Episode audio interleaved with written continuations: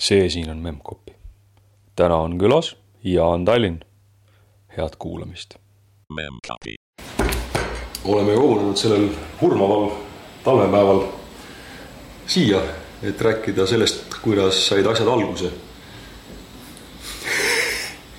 aga hakkame sellest pihta, mis on sinu auväärt nimi. kuivõrd auväärt ta on, aga nimi on Jaan Tallinn. väga meeldib, tere Jaan. tere, tere. Kuidas sina said arvutite juurde ja arvutid sinu juurde? ma mäletan nagu aega seda, kus kohas mul äh, isa hakkas Soome vahet käima äh, seal mingisuguseid äh, filmi ja video režiitöösid tegema äh, kaheksakümnendatel. ja siis äh, ta tõi mulle neid äh, erinevaid ajakirju. Need olid hea, häi odav, häi odav, hea odav ja võib-olla isegi tasuta tuua. Ja päris mitmed olid neist arvutiajakirjad ja ma hakkasin nagu, see tundub mulle väga põnev kohe es, nagu arvamine es, esimesest pilgust. ja see vist algkooli kas viimases või eelviimases klassis äh, juhtus jah selline asi, et äh, äh, mõningaid mu klassivendi, mind ja mõningaid mu klassivendi, sealhulgas näiteks Priit Kasasalu äh,. valis üks kooli lapsevanem äh, kui eksperimentaal katsejänesteks mm, -hmm. et äh, viia nad õhtuti, viia siis meid õhtuti sideministeeriumi kuskil Kopli servas asuvasse sideministeeriumi arvutuskeskusesse ja lasta seal suurte mainframe'ide peal lahti ja vaadata, mis juhtub. nii et, mis kool see oli? inimkatse tulemas. see oli Lasnamäel kuuekümnes keskkool. Aga, oli aga kust tal kool. aga kust tal siuke mõte tuli, et, et peaks niimoodi tegema inimestega? Äh, seda ma isegi ei tea, aga sa võid ta enda käest küsida, ta, ta, ta, talle meeldib sellest väga pikalt rääkida tal oli nimi Jüri Malsup äh, ah, selge, nimekirja. äh, aga, aga jah, siis on nii, et äh, mina olin seal, Priit oli, siis veel kaks klassivenda. ühest sai ka nagu arvutiettevõtja Mikk Orglaan ja, ja siis äh, neljas nimega Martin Kruusval, tema nagu, tema sai selgeks, et ta, numbrid teda väga ei paelu, et ta rohkem luuletaja tüüp. ja siis keskkoolis liitus äh, selle seltskonnaga Ahti, Ahti Heinla mm. -hmm. kui peale seda, kui ta oli meie, siis ma olin juba läinud äh, Tallinnas Gustav Adolfi gümnaasiumi toona esimesse keskkooli hakanud tõ- tõsiselt tegema olümpiaadidega mm. -hmm. ja meie füüsikaõpetaja kadunud Vilma Kukrus äh, ühel hetkel rääkis Ahti pehmeks, et mis sa seal Ühismäelt passid, et tule parem Gustav Adolfisse. peale seda, kui Ahti oli füüsi-, rahva selle vabariikliku füüsikaolümpiaadi kinni pannud. Oh, sest ta ise tagasihoidlikult muidugi vaikis. ja nii, et, et ta mitte esimese keskkooli klassi, vaid äh, siis teise keskkooliklassi tuli äh, meile ja, ja me saime suhteliselt kiiresti headeks sõpradeks ja siis ma, kas mina või, jah ilmselt mina, kes muuseas võis olla, kutsusin teda sellesse seltskonna, kellega me olime juba siis mõned, mõned aastad tegutsenud seal Kopli piiril. ja siis te käisitegi seal, kogu selle aja te käisite seal äh, mainframe'e näppimas, mis te tegite seal? no need mainframe'id said muidugi äh, kiire lõpu, kuna arvutustehnika arenes mm. -hmm. ja esimene asi, kuhu me nagu esimene platvorm, mitte mainframe platvorm, kuhu me kolisime, oli sealsamas äh,. samas instituudis või, või selles -hmm. keskuses äh, õhtuti meisterdatud riistvaraplatvorm nimega Entel äh,, mis Oho. oli äh, selline CPM masin äh, mingisuguse Intel äh, kaheksa null kaheksa kaheksa mingi sellise äh, või vene kloon sellest äh,, sellest siuksest, siuksest kuulsast äh, kaheksabiitsisest protsessorist mm. -hmm. ja see oli siis jah, tal noh CPM software, CPM tarkvara tal oli äh,. aga midagi sellist spetsiifilist tema jaoks kirjutada ei olnud äh,, aga siis oli oligi nagu koht, kus sai hakata nagu kätt proovima nagu mitte mainframe'ide peal enam mis, mis, mis te tegite seal, seal on alati see noorel inimesel alati see ülesanne, ülesande valiku koht, et kui sa valid liiga keerulise ülesande, siis sa ei saa hakkama ja on kole ja kui sa valid liiga lihtsa ülesande, siis on igav ja on ka kole. Ja see on minu arust väga relevantne küsimus, sellepärast et äh, mõnes mõttes nagu meie generatsioonil on vedanud arvutitega, et mm, -hmm. et sel hetkel, kui nagu arvutite juurde sattusime, olid nad sellised, kus, mis nagu, kus midagi väga huvitavat ei toimunud, see, see arvutite peamine köitlus oli see potentsiaal, mis sai nagu selgelt mm -hmm. sees tuksus mm. -hmm. Versus see, et sul on äh, mingi Youtube ja Minecraft äh, ühe kliki kaugusel, eks. ükskõik kui palju sa pingutaksid midagi, midagi liiga lähedalt sa, sa võim-, võimeline tegema ei ole. ja teine asi, et arvutid olid aeglased toona, nad olid umbes mingisugune miljon korda aeglasemad kui praegu umbes. mistõttu äh, sa pidid kohe kiiresti sellest, kui sa tahtsid midagi ägedat teha, siis sa pidid nii-öelda äh, selle hingeelu endale põhjalikult selgeks tegema et, et piigistada välja viimane efektiivsuse piisk. sa jooksid kohe mingisse riistvara noh, piirangutesse sisse, eks ole. isegi, lihtsa asja mingi ekraani peal liigutamiseks sa pidid ikka hoolega mõtlema, kuidas see täpselt käib, eks ole. täpselt ja, ja mistõttu oli, oli suhteliselt kiiresti läksime Assembleri peale. kõigepealt selles, selle siis nagu kodukootud Intel arvutite peal ja siis äh, aasta-paari pärast äh, tulid esimesed, tekkisid Eestis esimesed äh, IBM PC kloonid aga see, see assembleri peale kolimine eeldab seda, et selleks ajaks pidi ikkagi programmeerimisest mingisugune ainutus olema, et kust see tekkis? ja sa, see, see nüüd tekkiski nagu mainframe'ide peal. kes sealt võttis robot lugesid raamatuid või äh,? lugesin läbi äh,. Äh, mis selle nimi on, mingi programmeerimine Pascalis või midagi siukest oh,. ja siis, siis äh, peale seda on seal siiamaani mingisugused äh, esimeste programmide väljatrükid kuskil vahel äh,. raamat oli uudis raamat Äh, ja siis kirjutasin Basicus programmi. Kirusin, et ta ei nagu ei, ei, et, et keel on ikkagi erinev kui Pascal, aga noh, Basicut ma ei osanud, aga Pascalit natuke siis äh, teoreetiliselt oskasin ja kahe peal siis selle hakkasin avastama, et kuidas, kuidas Basicu, esimene, esimene programm vist oli ruutvõrrandi lahendaja, lahendamine. No,. see on klassika, eks, sest seda on praktiliselt vaja. aga ikkagi sealt ikka assemblerisse minna, sealt on ikkagi nagu kõva samm. Juba ja, see, juba arusaam sellest, et kuskil seal on assembler, on juba nagu küsimus, kust te seda infot saite? Või keegi õpetas raamatud mm., ajakirjad? no mõni, mõned mingid, ma arvan, et kuskil ja see mainframe'ide peal ma vist isegi jäin basic usse, äh, tegin isegi oma esimese mängu äh, basic us seal. ja, ja siis, kui me kolisime nende mainframe'ide pealt ära nende kodukootud kaheksapitiste arvutite mm -hmm. peale, siis äh, tuli oli näha, et, et, et seal on nagu lihtsam sellele riistvarale ligi saada, eks. -hmm. ja, ja üks nagu üks asi kohe nagu ahvatlema paistma hakkas, oli C programmeerimiskeel mäletan, et samas äh,, küll nagu otseselt samas seltskonnas ei olnud, aga samas äh, grupis aeg-ajalt näitas oma nägu äh, selline, selline nagu Hanno Crossing, ma ei tea, kas oh, sa temaga oled teinud juba. ei ole veel jõudnud, ta on nii välismaal. aa, okei okay., äh, ja meiega endine Skype'i kolleeg.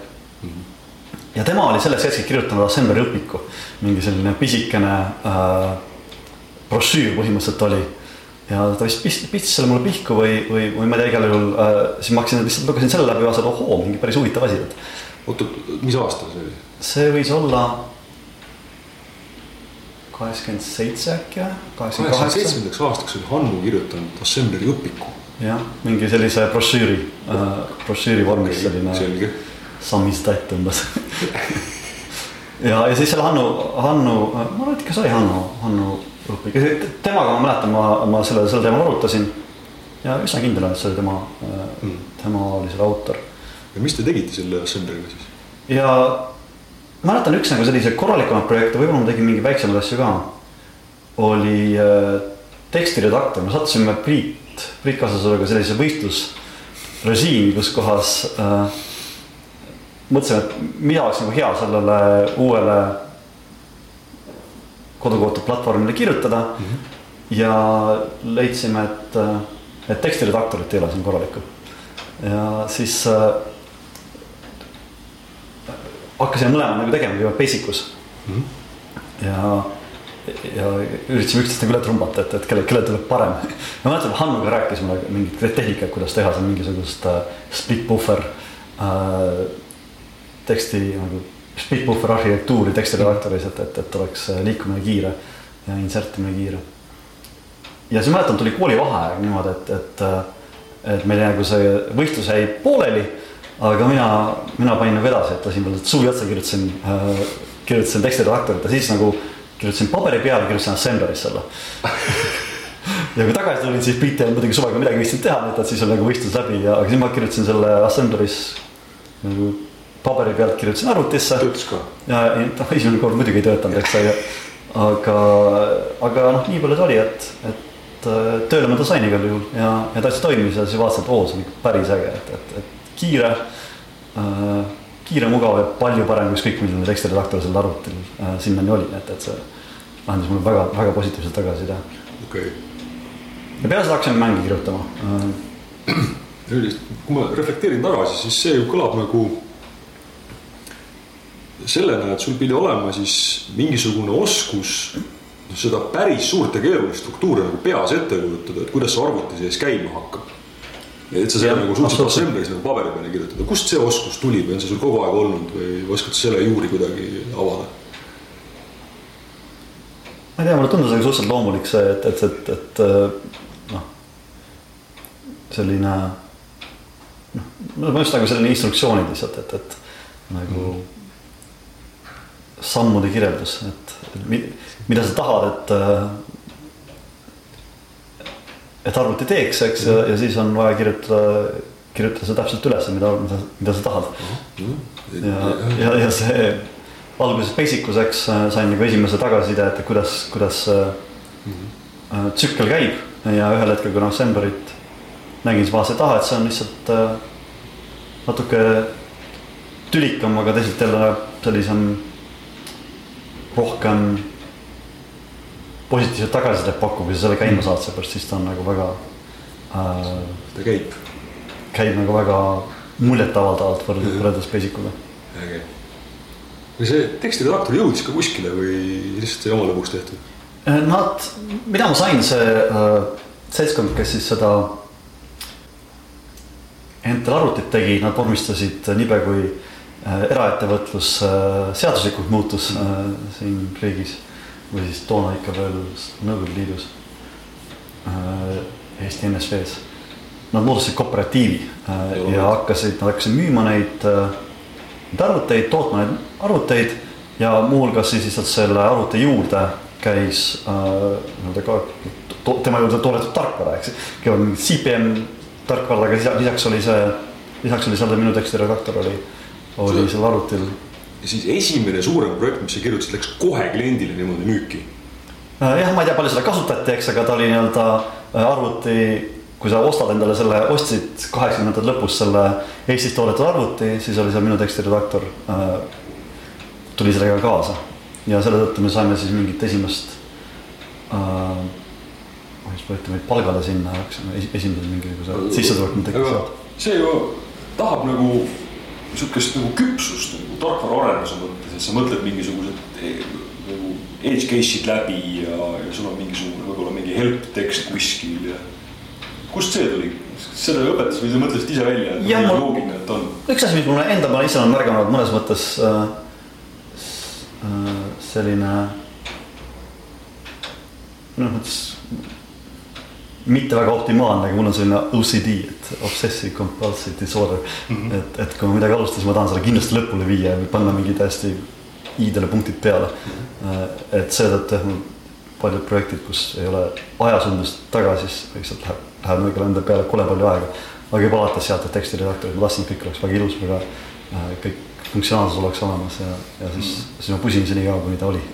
ja, aga noh, jällegi, et siis see, sul on siis kombinatsioon sellest nagu täiuslikust soovist ja võimekust seega siis ära täita, eks ole, et minul võib olla küll soov täiuslikku teemanti lihvida, aga ma lihtsalt ei oska teemanti lihvida. ja no jällegi ikka, minu arust nagu, mis mul, millega mul vedas, oli see, et ma astusin arvutite juurde sellisel hetkel, kus kohas äh, kogu tarkvara oli väga lihtne, äh, mis seal arvutis juba oli, eks. mistõttu sai ainult selline nii-öelda hingematev äh, kogemus, et, et ma olen nii pisikene selle tarkvara kõrval mm. -hmm. vaid tarkvara oli nii, et ahah, okei okay,, see on, ma saan ma aru, kuidas tehtud on, et ma teeks paremini. seda, seda on mitmed öelnud, et, et oma esimest arvutit või nagu sihukest arvutit nad tundsid nagu põhjani. noh, kuni operatsioonisüsteemist kuni nagu kiibistikuni välja, teadsid täpselt, mis seal töötab. ma arvan, et ega autoentusiastidel on samasugune lugu, et, et, et kui nad jah unikumide äh, austajad, eks ju, neil on ikkagi väga lihtsad riistapuud võrreldes sellega, mis, mis. jah, aga see annab sulle selle kontrollitunde, eks ole. just nimelt, mul täna läks Tesla katki no midagi ei ole teha, nad tuleb Soome saata jah, tarkvara, tarkvara viga. väga, täitsa võimalik, et tarkvara viga, jah. noh, või, või tont seda vahet, vahet teeb selle all, mis see, kus see tarkvara viga riistvara jaoks üle läheb ja vastupidi. aga tuleme tagasi selle, selle arvuti asja juurde seal päris alguses. sa ütlesid, et korraks ma võtaks kinni sellest ajakirjade asjast. kas sa oskad nende takkajärgi reflekteerida, võib-olla oled sa selle peale mõelnud, et mis sind selle, nende arvuti ajakirjade juures nagu paelus, mis see nagu konks oli seal? sest ma ei usu, et need olid nagu, nagu populaarteaduslikuna mõeldud, need, need olid ikkagi nagu arvuti ajakirjad nagu asjatundjale aga sulle. ei, nad olid, ma mäletan asja, mis seal nagu kohe väga prominentselt silma paistvad, oli mingisuguste mängude reklaamid ah.. mingid Atari reklaamid ja sellised asjad, mis nagu. noh, nagu ikka reklaamidel muidugi joonistati natuke ilusamaks kui päris, päris maailm, eks. aga nad andsid. Öelda, vaate mingisugusesse oma seaduste järgi toimivasse fantaasiamaailma okay.. mis nagu tohutult paelus on vaata nagu näed, on mingisugused, mis olid mingid ekraanitõmmised, kus kohas mingid tegelased olid peal ja vaatad, et ahaa, see on, see on hmm. väga äge asi vist. okei okay., ja, ja seda on ka räägitud, et, et see oli nagu mingi täitsa teine, teine nagu maailm, kuhu sai kuidagimoodi sisse minna, kus käisid mingid omad reeglid ja veelgi enam, sa saad neid maailma ise luua, eks, et see, see teadmine, seade teadmine siis nagu tekkis. sa mitte ei ole passiivne tarbija, vaid sa oled aktiivne seal. jah, just. okei okay ja selle aktiivsusega sa kirjutasid selle Wordi redaktori valmis ja siis sind võeti palgale sinna sellesse kooperatiivi. jah, ma ei täpselt, kuidas, ma ei mäleta, kuidas see järjekord täpselt oli, eks mm, -hmm. et võimalik, et me võeti juba palgale seal alguses, kui me seal niisama katsetasime mm. -hmm. aga võimalik, et see oli tõesti peale seda, kui me esimesed. ja see oli siis juba keskkooli ajal, eks ju? Jah, see oli vist keskkooli alguses, ma arvan, kaheksakümmend seitse oli vist, oli keskkooli algus. tegelikult, mõtlen, kus ma hakkasin. ja vist oli kaheksakümmend kuus võis olla see aasta, kus ma nagu üldse sinna sattusin. ja vist kaheksakümmend seitse, kaheksakümmend kaheksa oli see, kus kohe nagu palgale. okei, see oli päris, pidi olema päris äge huvi, et niimoodi areneda. kas see arvutis käimine, seda olümpiaadivärki ei hakanud segama või õppimist kuidagi need käisid kuidagi nii lihtsasti kokku? ei, üldse ei seganud jah, et see äh, arvutivärk on nagu ikka suhteliselt kogu aeg nagu põhiline asi elus olnud, et, et äh, ülikooli lõpetasin ka nii-öelda kõrval äh, sinna. hobina ära sinna, sinna me veel jõuame. et aga, aga, aga jah, juba seal oli nii, et noh, see mingi keskkool ja kool ja olümpiaadid, need olid kõik nagu arvuti, arvuti ta, nagu ta, taustal okay. et, et tegelikult arvutitöö ja, ja selle. arvuti oli primaarne. kas juba siis hakkas moodustuma see seltskond, mis pärast sai Blue Moonis? just, see oligi nagu tegelikult Blue Mooni süda oli, oli see seltskond, kes siis mu mõned klassikaaslased, kes, kes sinna. kas te sealt ähm, sellest, tollest arvutikooperatiivist eraldusite nagu kohe nagu omaette ettevõtteks või oli see vahepeal mingisugune faas veel? See oli niimoodi, et äh, ühel hetkel meil Ahtiga tekkis mõte, et teeks ühe arvutimängu oh., nagu korraliku mängu, äh, mis jookseb PC-de peal, mitte ainult seal kodukohtade arvutite peal. ja, ja meil oli mingi eeskuju ka, mille järgi seda, seda mängu teha. mis oli Yamaha MSX-ide peal, palju vähem populaarsem platvorm kui PC-d. Äh, ja oli näha, et PC-d nagu praegu hakkavad, hakkavad juba jõudma sinnamaani, kus kohas võiks midagi huvitavat, huvitavat teha seal Jahtil oli mul väga, väga, väga sellise sügava mulje jättis tema nagu matemaatiku äh,, matemaatika võimed äh, mm. toona, kus ta nagu jagas ära, et ah, siin tuleb tangentsit kasutada ja siin tuleb äh, selle jaoks, perspektiivi luua ja selle, et, et see äh, tegime mingisuguseid esimesed äh, eksperimente tema vanemate juures äh, seal küberis kus mm., kus tal oli arvutitele ligipääs äh, juba enne seda, kui äh, arvuti alati hakkas nagu palju varem programmeerima kui mina ja, ja see üks nagu tõuge, mis selle, mis selle mängu tegemiseks oli see, et meil oli keskkooli viimases klassis. oli vist ikka viimane klass, oli meil tekkis võimalus minna Rootsi klassiga oh.. esimene välisreis üldse. toona mingi aastal siis kaheksakümmend üheksa, suhteliselt unikaalne võimalus. tuli, läksin veel läbi Leningradi sinna kuna oli vaja teha mingisuguseid imelikke äh, trikke selle jaoks, et väljamaale saada. ja, ja siis mul oli tädi, ei onutütre mees, kes ütles, et kuule, väljamaal nad õudselt tahavad soft'i, et kirjutage mingisugune lahe soft et, siis lähed sinna, lülita maha ja kohe mingit probleemi pole. siis mõtlesin, no aga noh, teeme. miks mitte ja hakkasime siis tegema, leidsime, et teeme mängu, teeme korraliku mängu. Äh, ja hakkasime sealt nagu tegema, siis muidugi ei jõudnud valmis soft'id on nagu me, nagu ma nüüd hiljem tean, alati tuleb kõik ennustused, ajaennustused korrutada umbes pi-ga läbi, et, et tuleb, nad võtavad umbes kolm, kolm korda rohkem aega, kui, kui sa alguses arvad. ja me muidugi seda valmis ei saanud, aga samas äh, juba nagu hoog oli piisavalt suur sees äh,, et äh, ühel hetkel võtsime sinna juurde korraliku kunstniku äh,, kes siis Kaspar Loit ehk Pinos ja, ja nagu muusika, heli heliinimese Ott, Ott Aaloe. ja tegime nagu täitsa sellise äh,, mitte ainult ühe mängu, vaid nagu mängude seeria mm. -hmm. ja mis meil vedas, oli see, et see esimene mäng äh, õnnestus ikkagi, hoolimata sellest, et meil seal, kui me seal ise Rootsis ei käinud, Rootsis käisime, siis sellist mängu, mängu meil kuhugi kellelegi pakkuda seal ei olnud äh,. kuna ta ei olnud valmis, siis ei oleks valmis olnud, võib-olla ei oleks kuhugi pakkuda olnud aga hiljem saime ikka ta Rootsi müüdud, kuna nüüd ku, kuidas, see on nagu, see oli ju. see oli niimoodi, et. veel Nõukogude Eesti joon. just ja see oli siis selle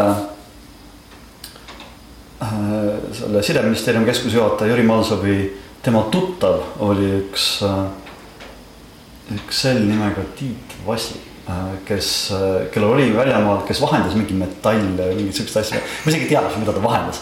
ta, ta, ta oli selline, selline mees, mees, kes, keda oli kaugelt näha, sellepärast et ta oli üks esimesi Eesti, Eesti esimesi mobiiltelefone, millel oli antenn mingi kolm meetrit kõrge kaugelt näha, et tema läheb seal kuskil tänaval. ja, ja siis äh, äh, temal oli Rootsis sidemeid ja ta võttis, et oh, et noh, ma lähen vaatan, räägin mm -hmm. ja, ja müüski tema kaudu müüsime, tema, tal nagu äh, äripartnerid äh, olid huvitatud sellisest eksootilisest asjast nagu no, raudse eesriide taga toodetud mäng.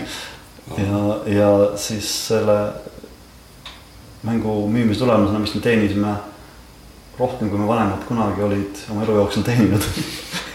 Mis oli vist mingisugune viis tuhat dollarit. Ulme noh, arvestades muidugi inflatsiooni, mitte reaalväärtuses, vaid äh, nominaalväärtuses nii ja siis selle, kui see mäng nii-öelda müüki läks, siis nagu tekkis nagu tõsine küsimus, et see oli siis nagu keskkooli lõpp mm -hmm. ja nagu ülikooli järgmine, siis keskkooli lõpp, ülikooli algus. kuidas me nüüd äh, seda administratiivselt korraldame, et mm -hmm. me oleme seal nagu selles äh, kooperatiivis nii-öelda ametlikult tööl, eks. et aga on näha, et, et tegelikult nagu plaanid võivad nagu suuremaks see kooperatiivi töö seal siis me rääkisime, rääkisime läbi, ma mäletan sihukest pingelist läbirääkimist Äh, Jüri Maltsuga ja kuidas nagu jagada seda mängutulu, eks, et nagu noh, nemad on ühelt poolt panustanud ja meie oleme teiselt poolt panustanud, eks, ja tahaks nagu oma asja teha ja, ja kuidas see siis nagu siis lõpuks äh, saime nagu meie poolt vaadates väga mõistliku kokkuleppe äh,. ja leidsime, et okei okay,, nüüd on siis äh, aeg nagu vormistada asi mingiks äh, oma ettevõtteks, mida me siis äh, tegime aastal üheksakümmend, ma arvan. kuidas te, kas te nagu mõtlesite nullist välja selle, et teil on vaja kunstnikku ja kuidas seda asja nagu sisemiselt üles ehitada või oli teil mingeid eeskujusid ka? no selles mõttes me oleme teisi mänge näinud ja nägime, et nad näevad paremad välja kui see meie katsetus ilma kunstita, kunstniketa okay.. ja ma ei mäleta, kes meid tutvustas. Piinausiga, see võis olla Tanel Hiire kusjuures isegi, ma ei mäleta hmm..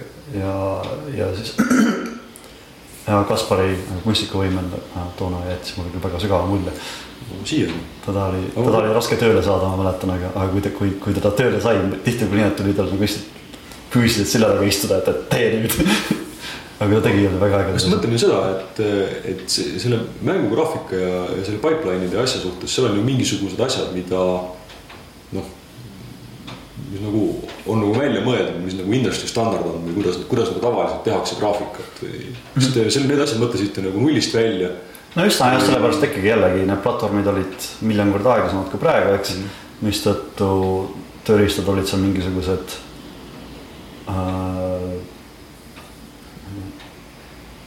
Turbo Pascal ja, ja või, või Turbo Portland, Portland C oli see üks asi, mida kasutasin ühel hetkel. Ja Kaspar tegi äh, Amigal asju, nii et temal oli mingisugune mingid seadused tööriistad, ma isegi täpselt nime ei mäleta. mis, mis iganes, mis iganes ta oli. mis hetkel te selle, ma seda mind on nagu painanud see küsimus, et te ju tegite ühel hetkel mingisuguse muusikaeditori. jah juhtus nii. jah, kuidas, kuidas te sinna sattusite, te ei ole ükski nagu selles mõttes muusikainimene ju. Nii palju, kui ma tean vähemalt. sellega oli ükskord ülikoolis oli sihuke lahe hetk, kus olin arvutiklassis ja siis nagu mingid äh, tüübid istusid arvuti taga ja, ja, ja, ja komponeerisid muusikat seal mm -hmm. SoundCloudis. vaatasin nurga taga, kibitsesin, ütlesin, et kuule, see on minu programm Nad ei uskunud et äh, see vist, ma ei mäleta, kuidas see nagu alg äh, tõuge sinna sai, sattus, võis olla nii, et, et meil oli, noh, meil kindlasti oli kokkupuude äh, tänu sellele me olime juba mänge teinud mm -hmm. sellega, et, et äh, kuidas teha muusikat, taustamuusikat mm. -hmm. ja, ja toona siis üheksakümnendate alguses, alguses oli äh, väga, väga suur äh, trending nii-öelda äh,. Tarkvaraliik olid tracker'id äh, mm, -hmm. siis äh, ehk sellised niisuguste sample'ite baasil äh, muusika kirjutamise väga sellised platoonilised äh, ristapuud. ja sealt tuli mõte, et oot-oot, et nagu see heli on väga hea, eks. aga, aga see kasutajakogemus äh, tundus nagu vähemalt harjumatult, harjumatule silmale väga-väga äh, ebamugav mm.. siis mõtlesin, et, et, et mõtlesime, et, et kuidas nagu teha, kasutada sama nii-öelda tehnilist võimekust, aga teha selline kasutajaliides, mis oleks äge, eriti inimestel, kes on nagu ei ole nagu pidevalt muusika kirjutamise juures. võib-olla sarnane veel mõnede teiste tarkvaradega ka tundub niisugune sarnane probleem. ja, ja, ja see noh, teema nagu hakkas nagu järjest huvitama, kuna seal on väga-väga selliseid mitmeid äh, nüansse nagu see UI disain mm, -hmm. Äh, kasutajaliidese disain, siis äh, nagu see muusika pool asjas, eks äh, kuidas, kuigi ükski nendest autoritest me ei olnud äh, muusikud, siis kuidas äh,,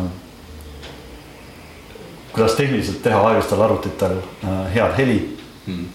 mäletan seal, seal ma puutusin esimest korda kokku mingisuguste matemaatiliste äh, teoreemidega, mida ma sahti abil üritasin lahendada.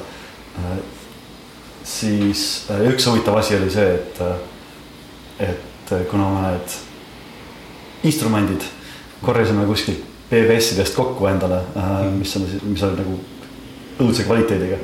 siis äh, mäletan veel, et Ahti kirjutas mingisuguse tarkvara, kus kohas tegi Fourier analüüsi, et, et nad häälde viia siis ükskord, ükskord, ükskord Tartus istusin ja, ja häälestasin pille niimoodi, et, et nagu endal väga suurt, noh, ma natuke olin pilli õppinud, aga, aga mitte mingit muusikaharidust mul kindlasti ei olnud, aga Fourier analüüsiga sai ikka väga-väga hea.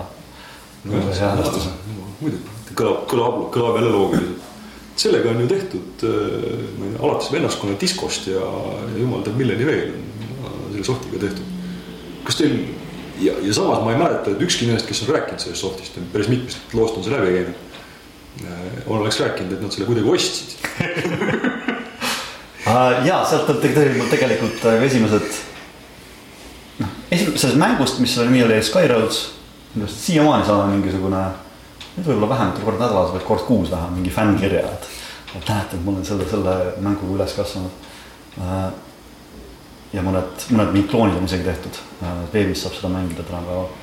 ja Sound, SoundCloud oli siis jah, teine äh, suurem projekt ja seal oli nii, et siis oli meil juba Blue Moon firmana ja tekkis, et oli kaks nii-öelda meie toodet, üks oli Skyroads mm., mis on tegelikult järg sellele esimesele Rootsi müüdud mängule, mille nimi oli Cosmonaut ja Sky, siis Skyrootsi kõrval tekkis SoundCloud mm.. ja nüüd oli küsimus, et kuidas neid müüa.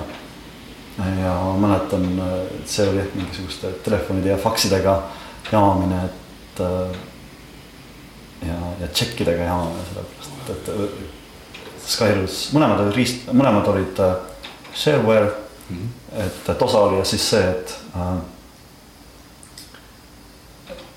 et väljamaalt saadetud tšekke, kui nagu vedasid, nad saatsid niisama sularaha ümbrikus.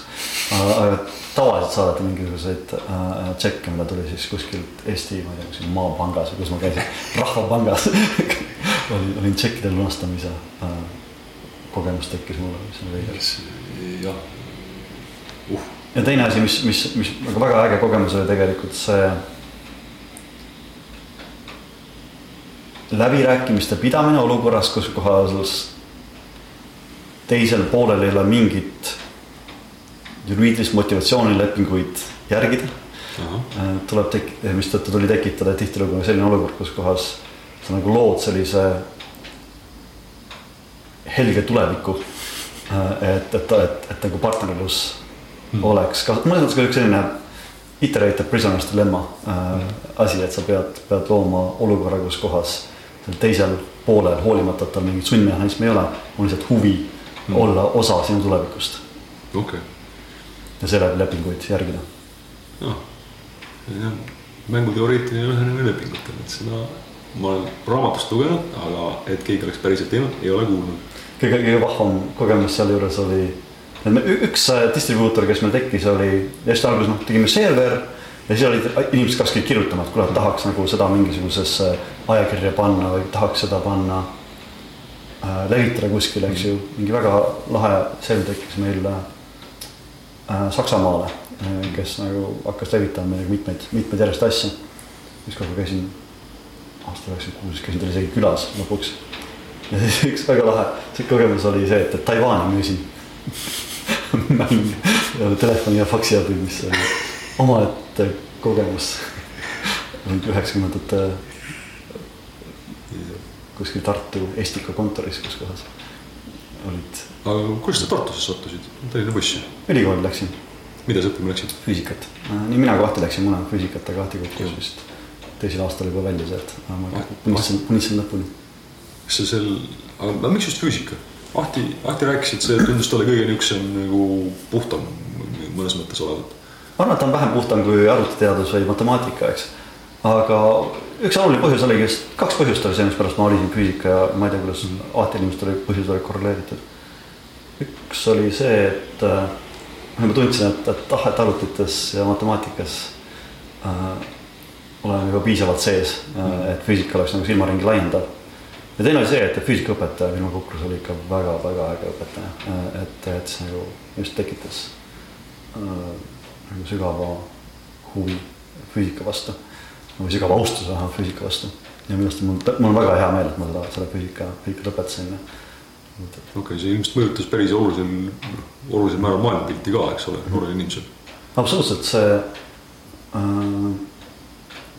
füüsika on selles mõttes äh, optimaalne teadus, et ta, sa suhtestud reaalse maailmaga äh, niimoodi, et,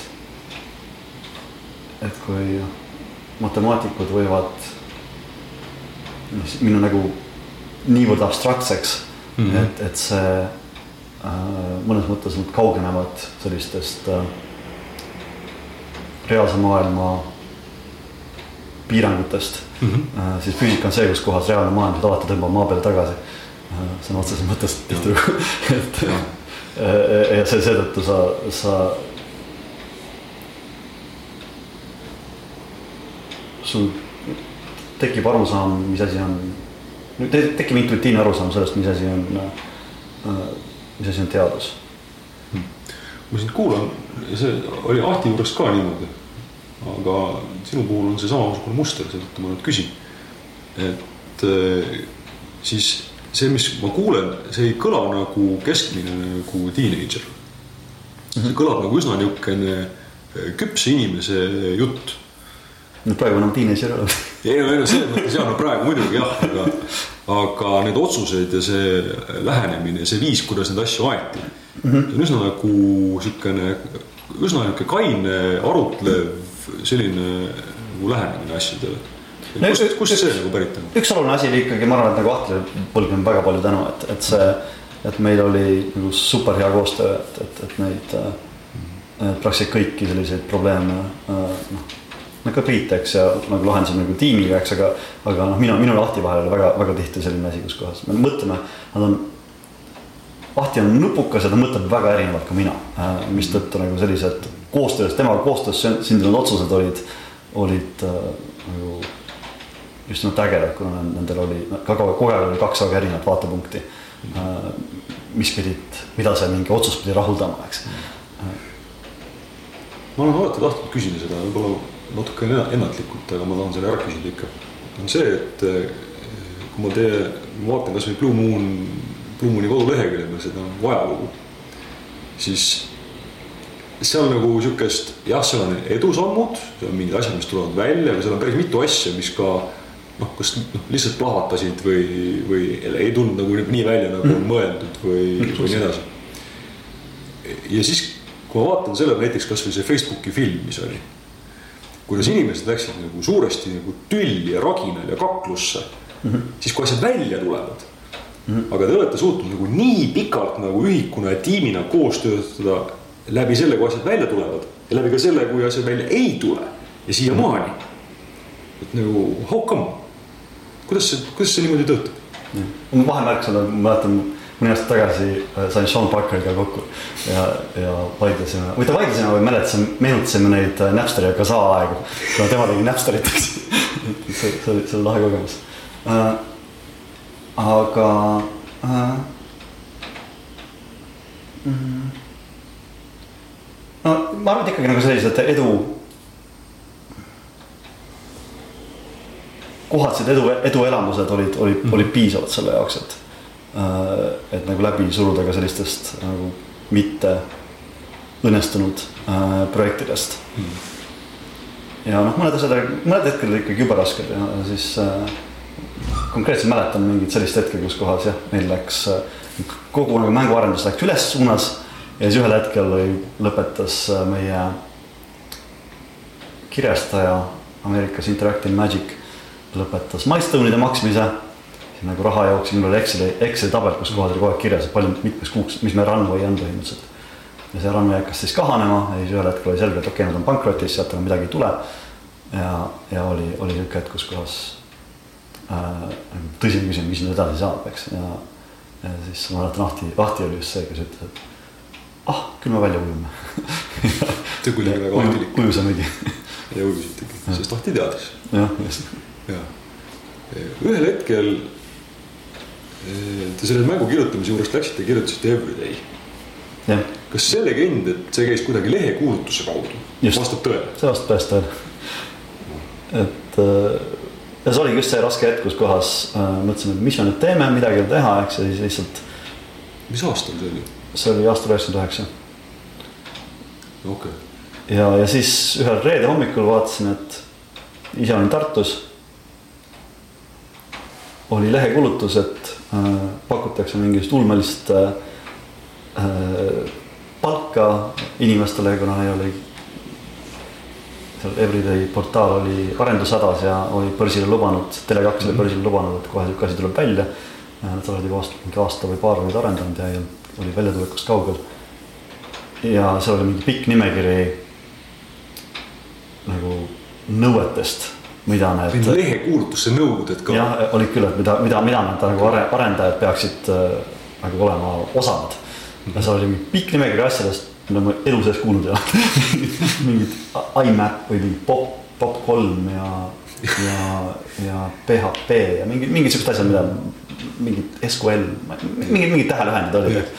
ja siis ja tähtaeg oli esmaspäev ja see oli reede, mina olin Tartus, teised olid Tallinnas. ja siis mäletan, et helistasin, mul oli mingi Ahti oli selle äh, mingi noh, tele, tele, kogu aeg istusime tegelikult telefoni otsas, et, et valitseme seda telefoni nuppu, et, et Ahtile helistada. ja rääkisin läbi ja mõtlesime, et okei okay,, proovime, vaatame, mis juhtub äh,. Et äh, tegime kohe mingisuguse nädalavahetuse plaani, et, et kuidas, mis me nädalavahetusel teeme. ja põhimõtteliselt äh, esmaspäevaks oli valmis prototüüp sellest äh, nii-öelda portaalist, mida nad tahtsid ja meil nagu, kui me esmaspäeval läksime siis nagu sinna intervjuule mm. -hmm. siis meil oli dilemma, et kas me ütleme, et see oli nädalavahetusega tehtud või mitte. kuu aega pusisime. ja, seepärast see oli noh, ta nägi väga hea välja, kuna meil oli nagu mingi nagu palgal oli arvutimängudega karastunud -hmm. kunstnik näiteks, eks ju. -hmm. ma arvan, et see nägi parem välja, kui see tegelikult lõpp everyday lõpuks ja, ja toimis täitsa kõik mingid võisid custom'i nagu seda äh, sisse logida, teha mingeid erinevaid paneele ringi lohistada, võisid mm -hmm. äh, emaili kirjutada, võisid äh, noh, mingeid uudiseid lugeda, ilmateateid, mida iganes, et see äh,. et ja see oli just niisugune, kus nagu see nädalavahetusel jooksvalt pidime minu arust ise need selliseks tegema. see tähendab seda, et tal vist tollel hetkel see nädalavahetusega pidi sigima aga päris hea arusaam sellest, kuidas nagu HTML ja brauseri renderdus ja see. HTML, andmebaasid andmebaasid olid, olid, oli veel lahe, ma mäletan, Priidule jäi andmebaasidega tegelemine. Ja Priit nagu sattus mingi hätta, ta ei saa nagu üldse nagu mingist loogikast seal aru. ma mäletan sihukest klassi, kus kohas Priit ühel hetkel võttis telefoni, helistas mingile andmebaasi eksperdile, ma kahjuks ei mäleta, see võib-olla sa oled talle intervjuuinud, ma ei mäleta, kas Priit võib-olla mäletab, kes see oli. see on Mast, aga see oli, ma ei tea. Äh, ja siis äh, see oli mingi laupäev, laupäeva hommik vist helistab, ma mäletan, kuidas kõrvalt kuulsin seda kõnet, et. Et kuule, mul oleks sihuke kogemus, on sul nagu hetk aega või sihuke küsimus, et on sul seda hetk aega? aa, no okei okay,, okei okay. tol ajal, et ei olnud aega. okei okay,, tagasi, tagasi uurima, et kuidas SQL värk käib ja, ja siis noh, uuris välja ja sai, sai tehtud. see kõlab üsna nagu ulmelisena, seal peab olema mingisugune meetod taga. see, see, see on väga, see on väga äge kogemus jah, no põhimõtteliselt lihtsalt noh, tegelikult need tehnoloogiad ei olnud, toon eriti ei olnud mingi super keerulised, eks, et see lihtsalt äh,. Nad on lihtsalt võõrad meile, et, et, et, et seetõttu, aga kuna meil oli nagu ikka sihuke noh, tiim oli tõesti äge äh, toona ja siis saime töö otsa tehtud äh,. ja igaüks pidi mingi asja välja uurima, mingi aspekti välja uurima. ja, ja olingi nädalavahetuse vist maga, natuke magasime, mitte eriti. et, et tegelikult oli nelikümmend kaheksa või see ju tähendab, see ju tähendab seda, et te kuidagimoodi koordineerisite ka oma tööd. et kes seda kampa juhtis, kes teil pealik oli? no mina olin äh, nii-öelda ametlik, ametlik juht seal ja, ja pidin. noh, samas see tiim nagu suhteliselt äh, töötas ise ka päris hästi äh,. välja arvatud jah, võib-olla kunsti pool, eks ju, mis, mida, mida tuli, mis nagu põhjustas kõige rohkem meelehärmi, et, et kuidas, kuidas Kasparilt saada äh, lubatud asjad kätte. kunstniku asi. rohkem boheemne boheemne kui teised. see tähendas siis seda, et see kuulutus oli üheksakümmend üheksa ja see mhm. keskkooli asi oli juba üheksakümnendate alguses, siis terve üheksakümnendad kirjutasite mänge. jah, et äh, päris, päris mitmeid mänge tegime. kutsusime ennast Eesti mängutööstuseks kui suur see tiim oli siis? Äh, üheksakümne üheksandaks aastaks, ega ta väga palju suuremaks ei läinud, meil oli nii-öelda core tiim oli siis vist äh, neli. Mina, Priit Ahti ja Artur Vill, kes oli siis äh, mingi 3D kunstnik. Äh, kes äh, muide on teinud sellise filmi nagu Happy Feet oh. mingid need landscape'id, maastikud ja, ja, ja ta on nagu läks nagu üles joonel, läks, kolis Austraaliasse pärast Luumani kokkukukkumist ja, ja seal nagu tähelenuna tõusis oma ta on väga, väga kõva vend just 3D, 3D modelleerimises ja kunstis. Ühesõnaga, see tiim ei olnud suur. ja, jah, ja siis sai seal nagu kõrvalinimesed, nagu Kaspar äh, tegi kunsti. Ott tegi, Ott ja Glen Pilbre tegi mm., tegid muusikat. Juhan Soomets tegi ka 3D graafikat nagu po poole kohaga. ja vist oligi kõik no et kui sa, kui Blue.ee leheküljele minna, siis tegelikult see tiim on seal siiamaani äh,. äh, see ikkagi tähendab seda, et, et ega teil seal nagu isegi selle tehnoloogia lihtsuse juures ikkagi oli päris palju nagu tööd teha, et seal nagu niisugust nagu igaüks pidi oma raskust ikka ise, ise nagu sikutama. no tööd oli päris kõvasti jah no,, aga põnev oli ka muidugi. mis, mis see põnevus oli, see, kui te olete ühe mängu valmis teinud, siis igavaks ei läinud? ei, mäng mängude tegemine ongi selles mõttes nagu äge, et, et see nagu niivõrd palju rahuldust pakkuv, kui sul mingi asi tööle läheb, eks ju, et. ma nagu kui sa teed mingisugust, ma ei tea, andmeanalüüsi, kui asi, asi tööle läheb, siis tuleb ekraanile õige number. aga kui mängus asi tööle läheb, tuleb vägev plahvatus näiteks või, või mingisugune tuleb mingi, tulevad väga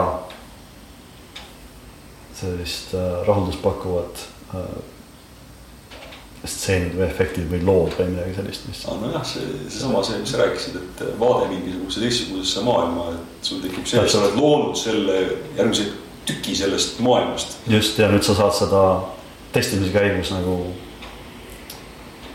äh, seal ringi käia ja mm., ja, ja mingisuguseid kohati väga vapustavaid vaateid ja sündmuseid, mis sul juhtuvad seal. üks asi ma tahtsin veel küsida, on see, et äh, selleks, et kirjutada, noh, see, et sa tegid üksinda Wordi redaktori, teksti redaktori ja ütlesid, et, et see käis sul puhtalt sellepärast, et kõik asjad pidid rea peal olema, kõik ilusti tehtud mm. -hmm. Siis sellest ma saan aru, aga kui meeskonnal on niimoodi soft'i kirjutada, siis see tahab ju niisugust nii-öelda inglise keeles software engineering'u mingisugust noh, teadmist ka mingi versioneerimise, mingi testimise, mingid sellised asjad Ah, see oli, see oli puhas töö käigus või? üheksakümnendatel oli lihtsalt uh, zip failid ja, ja mingid uh, back-up direktorid ja siuksed, et seal mingit personeeringut ja siukest asja me üldse ei teinud, et, et. Uh, no aga kuidas te siis tagasite, et see kupatus sinna kokku kukkunud? no kukkus ka, aga oligi üks, üks nagu põnts, mis meil juhtus, oli see, et meil varastati kont kontorist sisse, varastati arvutid ära oh.. seetõttu läkski mingisuguse äh, Skyrootsi või mingi asja äh,, mingi mingi versioon sellest nagu noh, meil on mingid mm. diskide peal ka back-up'id, et midagi jäi alles, eks, aga mingisugused asjad läksid, läksid kaduma lõplikult äh,. Blumini ajaloost. sest vargad viisid, vargad viisid minema.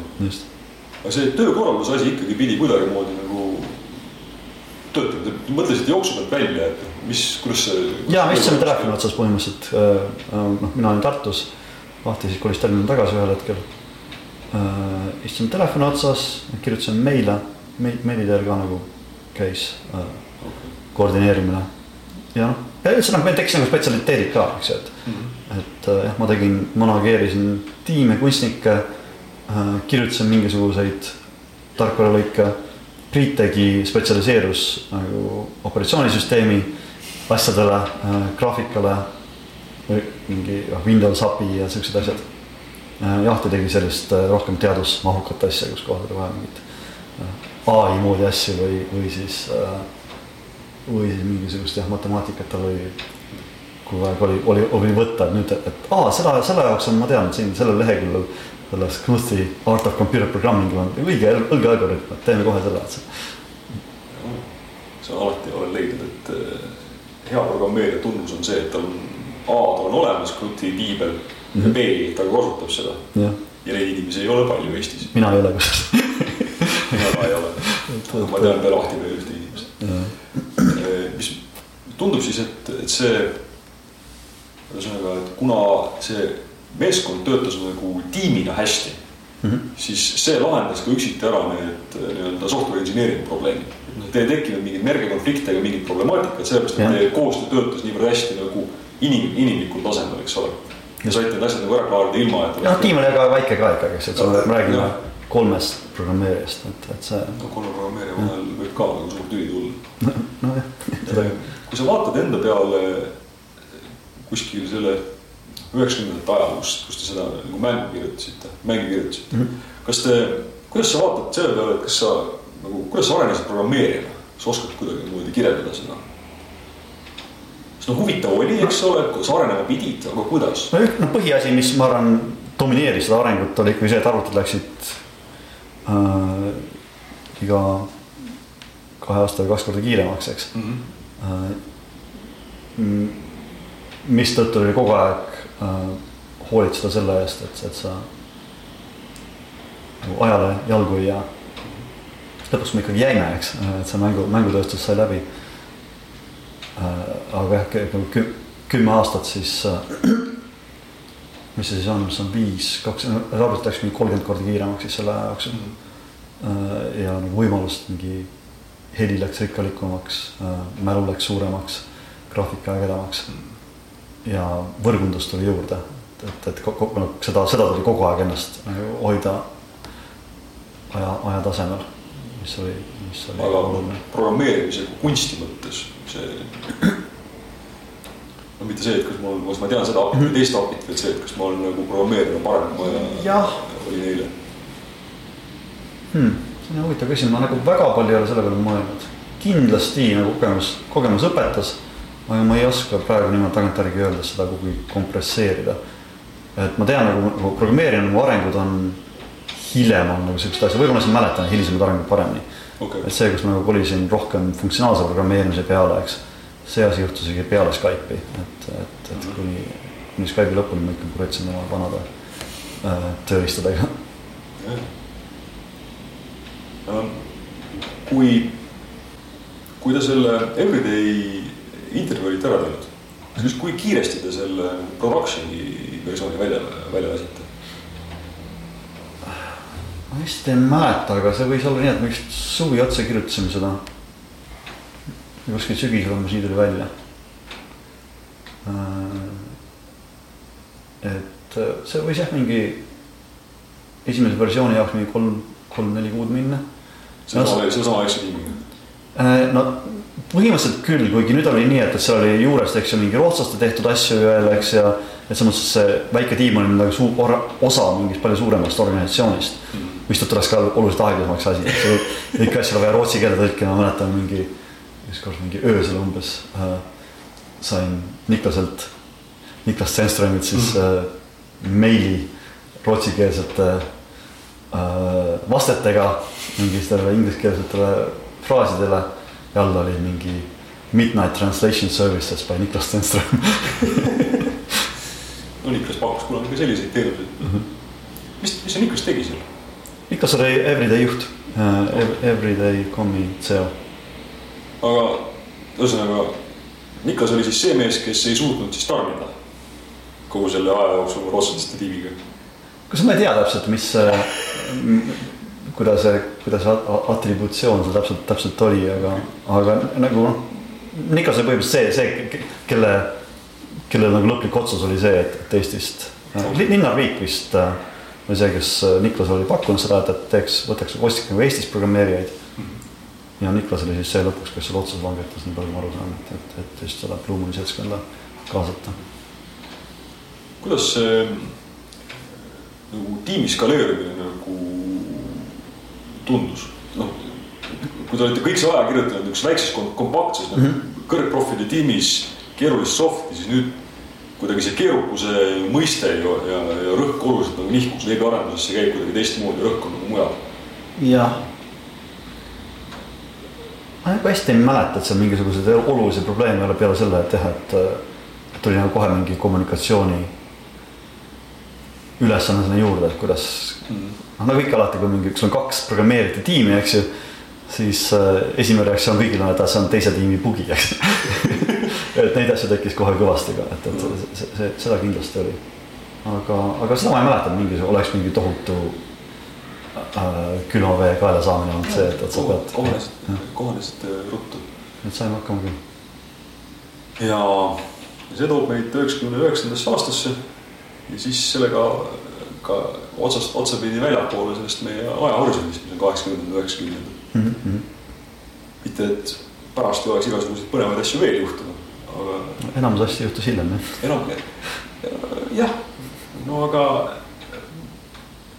inimeseks said ja see oli varem. seda küll. jah, ja see on just see huvitav koht. mis sa praegu teed ähm,? peamine ja kõige olulisem tegevus äh, on äh,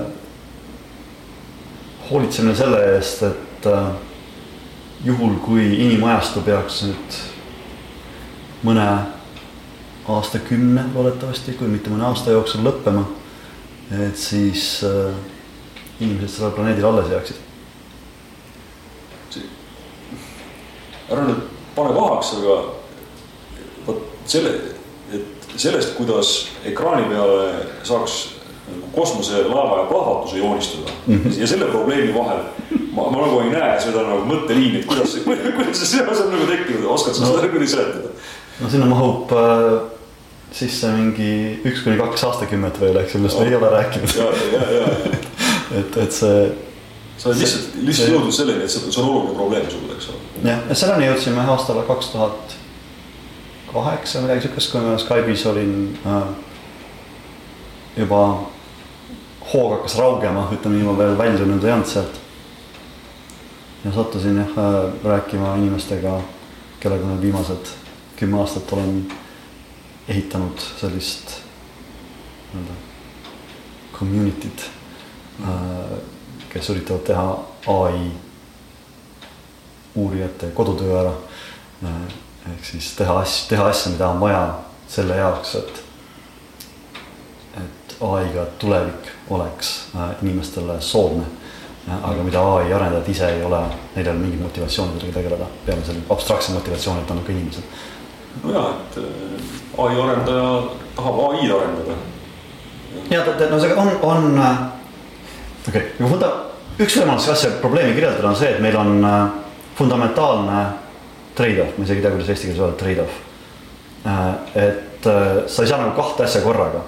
üks on see, et superkompetentset süsteemi ja sellist süsteemi, mille üle sul on täielik kontroll. et, et see, see ei ole mitte ainult isegi selles nii-öelda arvutite spetsiifiline, see on ka inim, ma ei tea mingi inimjuhtidel on sama probleem, eks, et, et e-, e-, ettevõtte juhtidele, et mida, mida rohkem ta delegeerib, kui hästi delegeerib, siis läheb süsteem kompetentsemaks või selle organisatsiooni võimekus kompetentsemaks, aga tema isiklik kontroll selle üle, mis toimub, väheneb. ja see on nagu fundamentaalne printsiip. ja mida inimene praegu nüüd teeb, iga päevaga järjest rohkem on, delegeerib oma otsuseid masinatele. mistõttu iga sellise delegatsiooniga tegelikult väheneb inimeste kontroll tuleviku üle võib juba öelda, et praegu inimeste kontroll tuleviku ole väiksem, kui näiteks oli mingi viiskümmend aastat tagasi.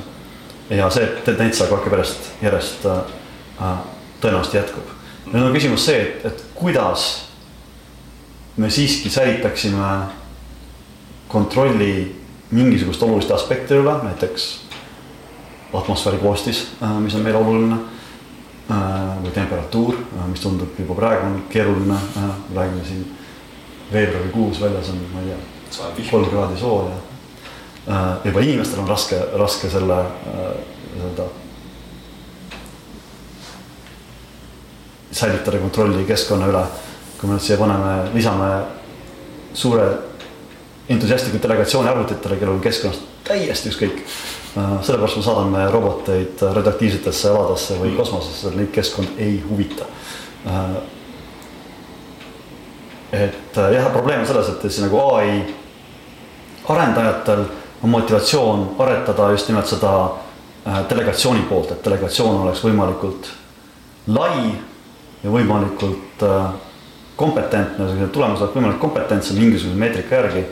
Äh, ja palju vähem on motivatsiooni selle jaoks, et, et mõelda selle peale, et, et kuidas me kogemata ei delegeeriks sellist asja, mida meie elutulekuks on vaja. sa, ma südamest loodan, et sul tuleb välja sest muidu on väga pahasti. ma, ma tihtilugu ütlen inimestele, et, et jah, et wish me luck you gonna need it selle positiivse mõttega olekski sobilik lõpetada, aitäh sulle. aitäh.